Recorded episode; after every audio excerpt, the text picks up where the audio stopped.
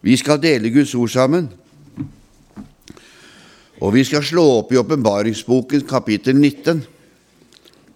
Og jeg syns det var så fint eh, det som Arvid åpna med, fordi at vi skal fortsette litt på dette.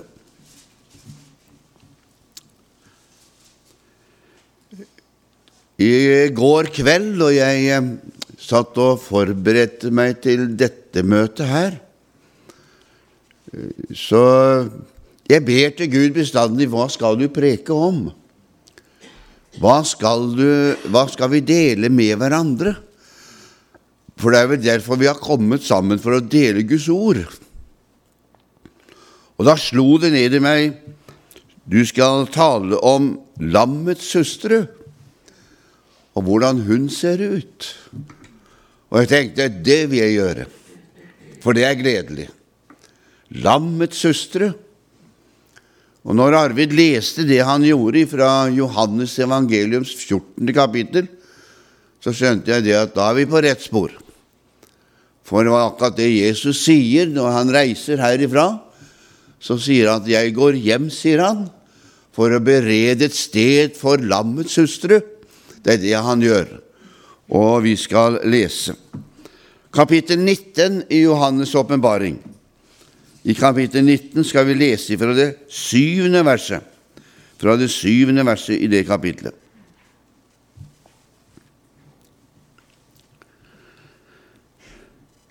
Det er i slutten av åpenbaringsboken, og der står det slik La oss glede oss og fryde oss og gi ham æren for lammets bryllup er kommet, og hans brud har gjort seg rede. Er ikke hørt fantastisk? Det er henne gitt, og det er et, en linje som jeg syns er fantastisk. Eh, det er henne gitt, vil si, hun har fått noe. Å kle seg i rent, skinnende, fint lin for det fine lin er de helliges rettferdige gjerninger. Og han sier til meg, skriv, salig er de som er innbudt til lammets bryllupsmåltid. Han sier til meg, dette er Guds sanne ord. Alle som har stått brud, vet jeg har gledet seg til den dagen. Men hun har måttet ha hentet bryllupskledningen selv. Og hun har måttet kjøpt den sjøl også. Men eh, den som skal stå brud i himmelen, den har ikke kjøpt kledningen selv. Den har fått den. Og det er brudgommen som har sendt ut den kledningen og gitt henne den. Og det er helt fantastisk. Lammets søstre, ja.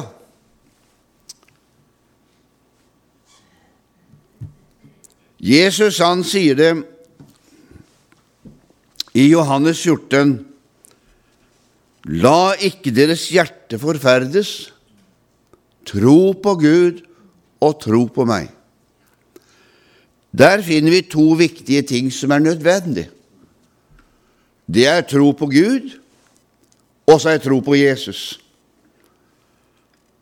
Og i Hans hus, i Hans, er det mange rom.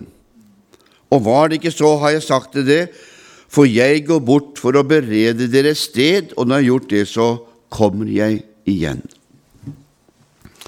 Johannes' åpenbaring kan vi egentlig dele opp i syv avsnitt. I syv avsnitt. Den første avsnitten vi finner i åpenbaringsboken, strekker seg fram til kapittel fire. Og den taler om eh, menigheten og menighetens bortrykkelse. Den finner du fra én til og med fire. Så får du en eh, bulk til, og det er nemlig den antikristelige tid, som åpenbaringsboken taler om, etter kapittel 3, dvs. Si begynnelsen av kapittel 4. Og så er det Jesu komme og det tusenårige riket som vi finner der. Og det femte det er det siste angrepet som djevelen angriper Israel på, og de som tror. Og så er det den store hvite domstol, og så er det til slutt i åpenbaringsboken evigheten. Og da er vi inne i tallet åtte. Når Johannes deler opp Bibelen på denne måten i åpenbaringsboken, så deler han den opp på den måten for at vi skal vite hele tiden hvor vi befinner oss i den verden og i den setningen som vi finner i åpenbaringsboken. Og når vi vet med hverandre nå allerede at bruden er fremdeles på jorden, da må bruden befinne seg imellom kapittel 1 og kapittel 3. Da befinner hun seg der. Og Derfor så er vi her i denne dag på denne måten. Bibelen taler om at menigheten, altså Guds rike, er som en åker. Og da sier han der i den åkeren blir det sådd både god frukt og dårlig frukt. Og åkeren, hvem er det? Jo, det er oss. Det er vi. Vi er den åkeren. Og Jesus han sier det i Matteus evangelium. Himmelens er rike er lik en mann som sådde god korn i åkeren sin. Og så står det mens folket sov, kom fienden og sådde ugras i hveteåkeren. Det ser ut til at uh, Bibelen taler om at uh, i den siste tid så kommer det en søvn over Guds menighet. Søvn. Og søvn, den er farlig. For den holder oss ikke våken. Og det er bruden største fare, at hun sovner mens hun venter. Og det finner vi også når det gjelder de ti kloke. Eh, og de, fem kloke og de ti ikke-kloke, de sovnet. Og de sovnet alle sammen.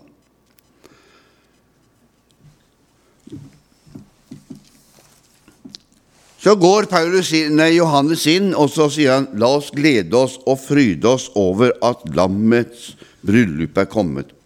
Og hvorfor skal han glede seg over det?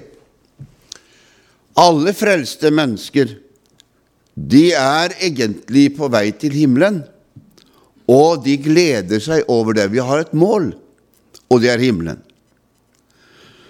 Og det målet som Gud har gitt oss, det er så fantastisk på alle mulige måter at jo mer du og jeg får se inn i de himmelske perspektiver, jo mer lengter vi til himmelen på denne måten.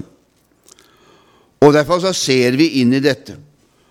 Og Derfor så begynner, begynner Paul, Johannes på denne måten og sier La oss glede oss og gi ham æren, for lammets bryllup er kommet, og hans brud har gjort seg rede.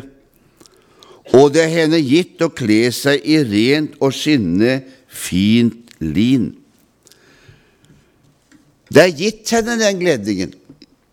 Og hvorfor taler han om denne? Jo, fordi at som frelste mennesker så har vi fått en frelse bare av nåde. Og den har, gitt, har Gud gitt oss. En frelse av bare nåde. Og Derfor taler Bibelen om at vi er gjenfødt ved den levende Gud, og vi er født på ny til et levende håp og i dette ligger nåden.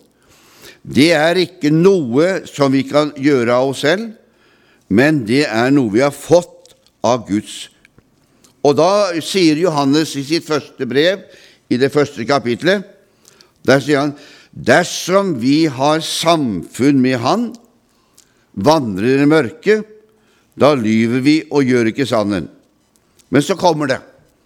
Men dersom vi vandrer i lyset liksom Han er i lyset, da har vi samfunn med hverandre, og Jesu, Hans Sønns blod, renser oss ifra all synd. Halleluja. Det er fantastisk. Dersom vi sier at vi ikke har synd, da bedrar vi oss selv, og sannheten er ikke i oss. Dersom vi bekjenner våre synder, er Han trofast og rettferdig, så Han forlater oss synderne og renser oss fra all urettferdighet. Det er fantastisk, dette evangeliet. Og det gjør at vi kan holde denne drakten vår rein mens vi venter på grudbønnen. Mens vi venter. Da. Og så sier han, mine barn, dette skriver jeg til dere for at dere ikke skal synde. Og hvis noen synder, har vi en talsmann hos Faderen, Jesus Kristus, den rettferdige. Og han er en soning for våre synder, og det er ikke bare våre, men også for hele verden. Derfor har Jesus ordnet med en frelse for oss som er så dyrebar og så velsignet at den holder til alle tider. Når Peter skal skrive litt om dette, for han skriver også om bruden. Da sier han det i sitt uh, første brev, i det første kapittelet og det 18. verset. Da sier han om hun at hun er kjøpt, sier han. Da bruker han det ordet, at han er kjøpt. Og så sier han, for dere vet at det er ikke med forgjengelige ting, med sølv eller gull bekjøpt ifra deres dårlige ferd, som var arvet ifra fedrene, men med Jesu Kristi dyrebare blod, som blodet av et feilfritt og lyteløst land. Altså, da taler han om at vi er kjøpt. Det er fantastisk. Så har altså Gud altså ikke bare betalt våre synder, en soning for oss på Golgatas kors, men han har også kjøpt oss. Og det er, det er, det er, vi er dobbelt sikra på alle mulige måter. Derfor vil også bruden gjennom hele tiden ha en indre tone i sitt indre. Og den indre tonen, det er at han kjøpte oss ifra jorden til Gud med sitt dyrebare blod. Det er fantastisk. Når, når Gud løste Israels folke ut ifra Egypten, så løste han dem ut ved blodet. Og det gjorde at israelsfolket ble egentlig Guds eiendom på en helt spesiell måte.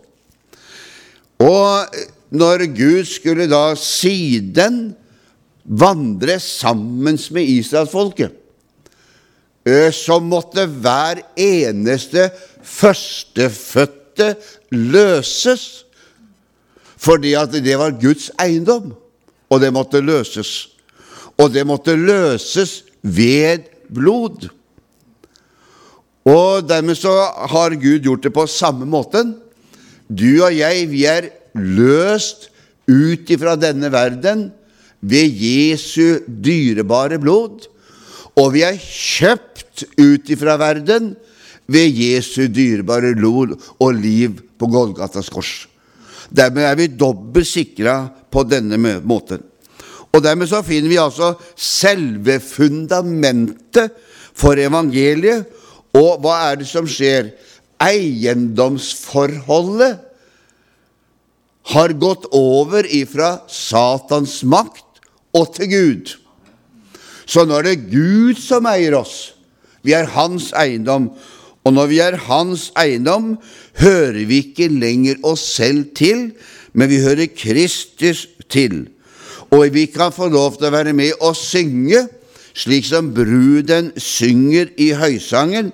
Og der hun synger sånn Hun synger på den måten Han er min, og jeg er hans.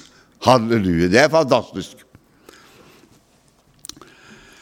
Når Johannes skriver om dette, så sier han det på den måten vi har sitert det. Dersom vi sier at vi har samfunn med Han, men vandrer i mørket, da gjør vi ikke sannheten.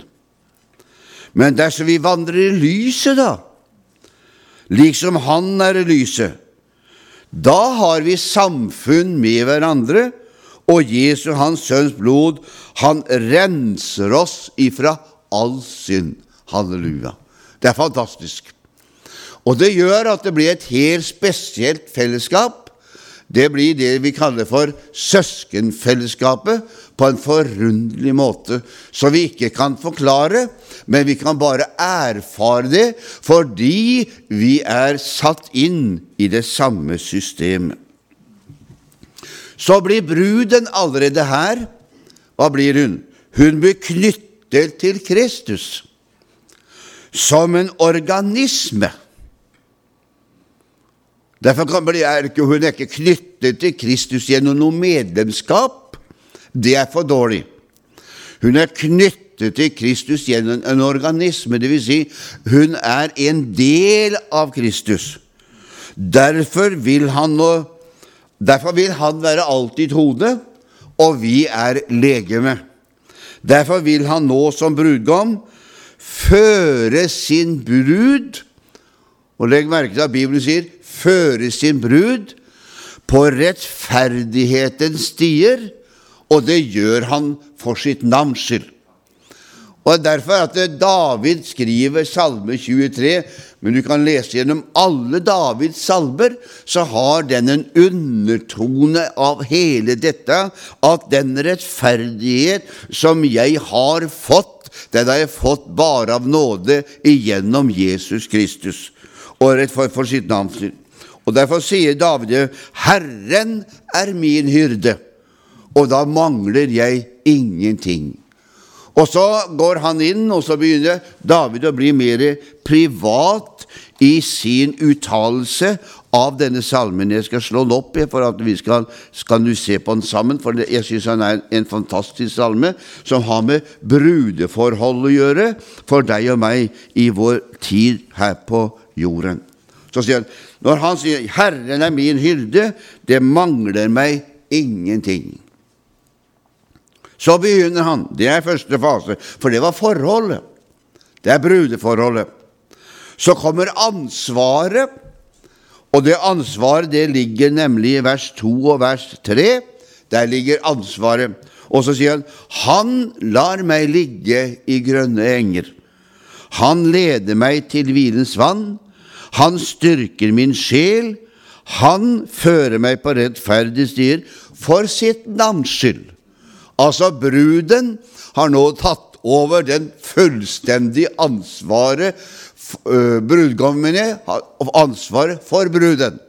Og når det er brudgommen som har det ansvarsforholdet overfor bruden for å gi henne det hun trenger mens hun lever på denne siden, inntil han tar henne hjem til himmelen. Og Derfor så bruker Bibelen et litt annet uttrykk, at vi i ham har vi alt som tjener til liv og til Guds frykt. Det er fantastisk. I ham har vi dette. Og han eh, sier også i vers eh, 4 så sier han der kommer hjelpen. For han har alltid lagt inn hjelp også underveis. For han vet med seg selv at vi som mennesker vi trenger hjelp underveis.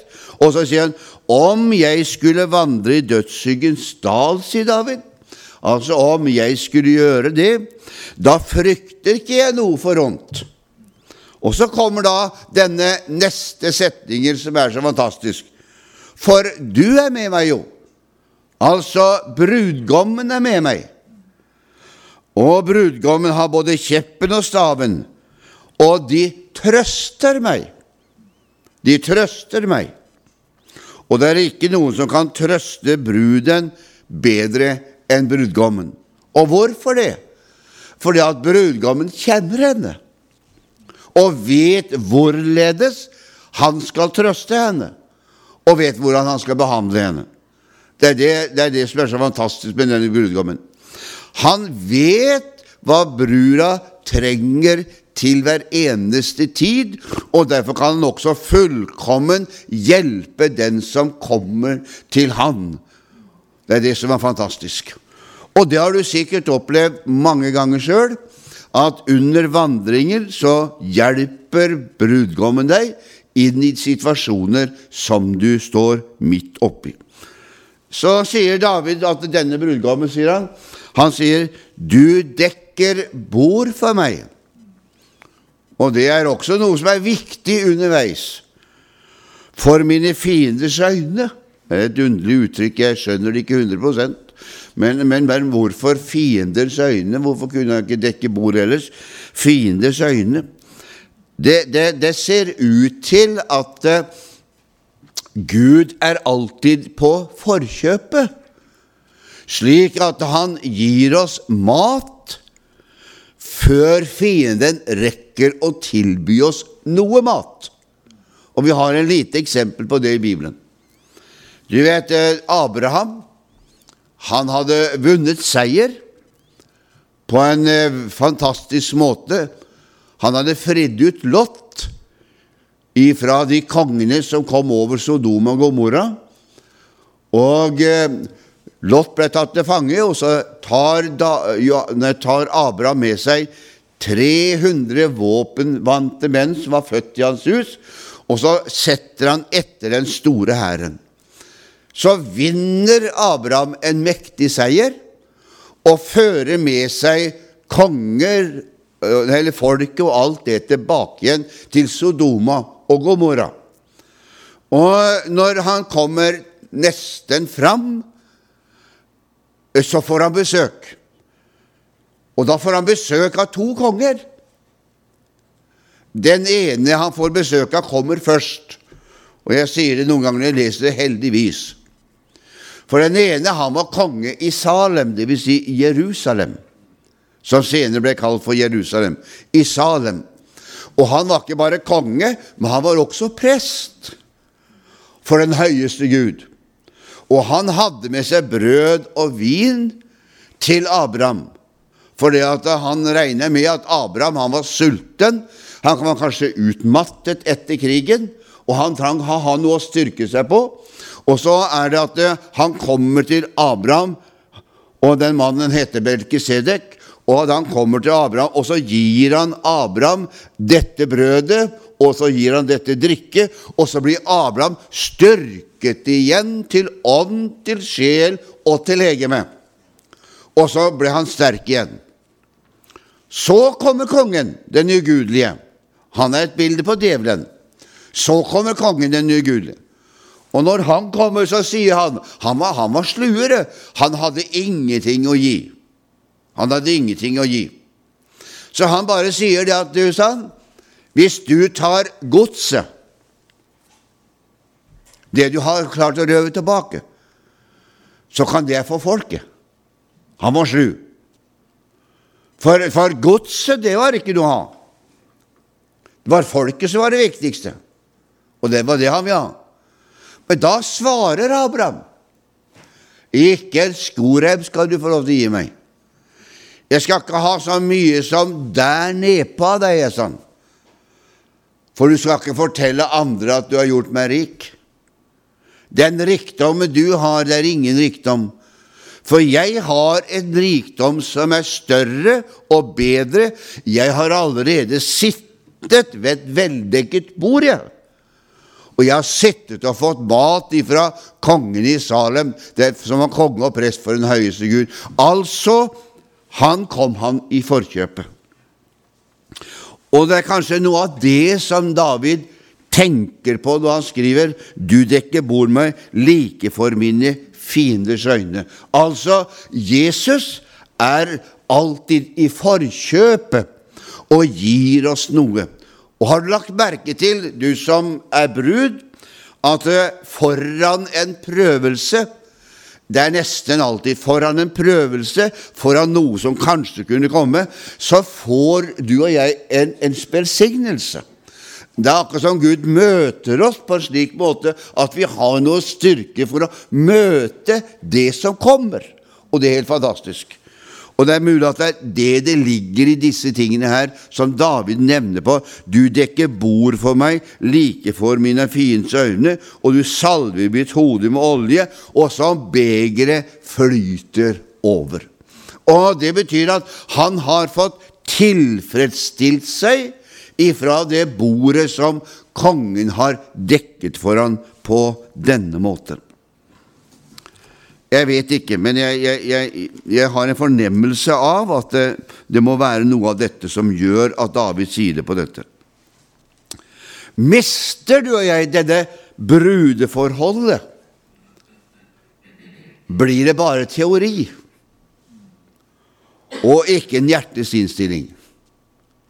For i brudeforholdet der ligger det med hjertets innstilling. Du vet at eh, det er noe i, er noe i den verden vi lever i som heter pliktforhold.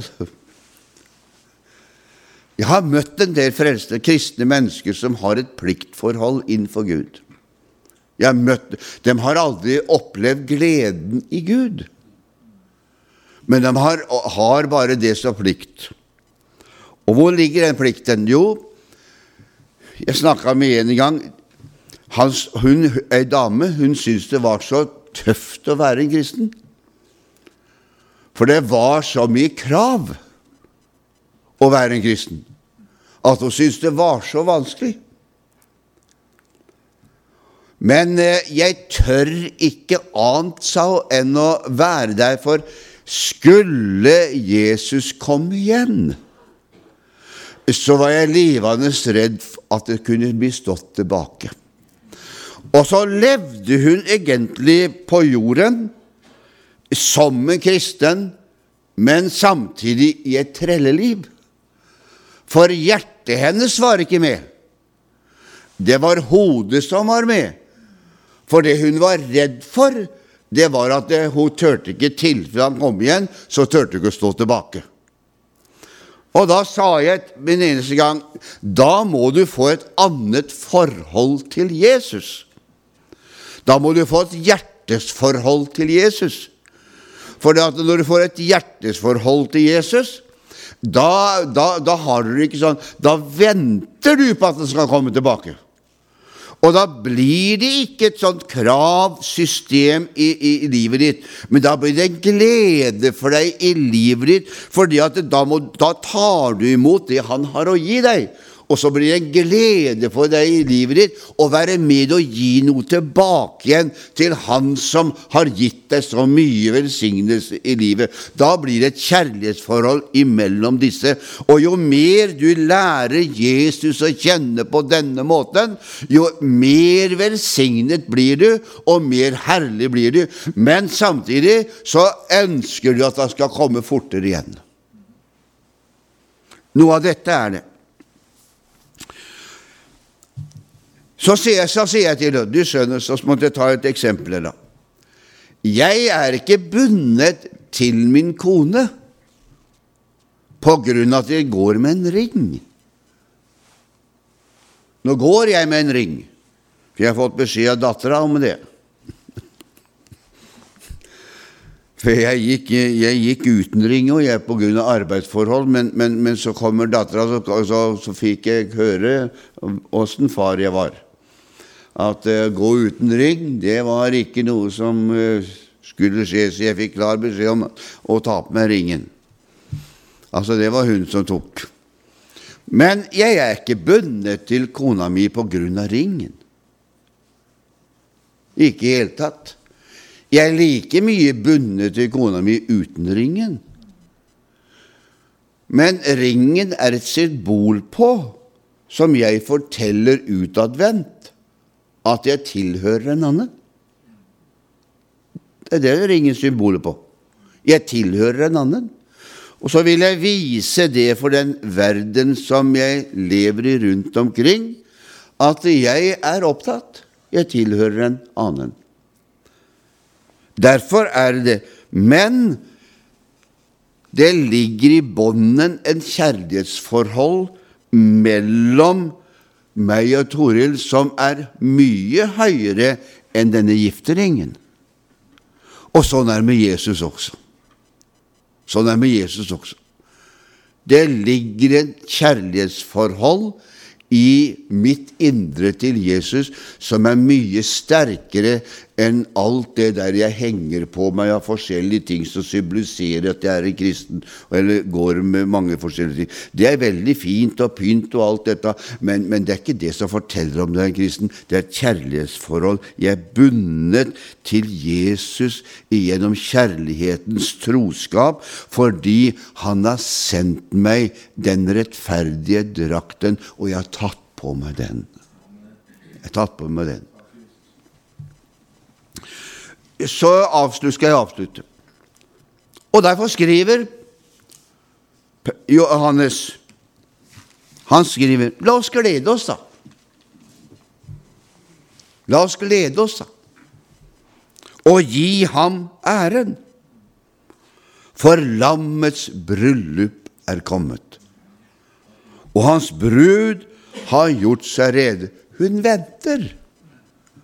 Fantastisk. Venter du på Jesus? Ja, ja, ja, sier du. Det var rar preken. Ja da, men noen ganger så er jeg rar.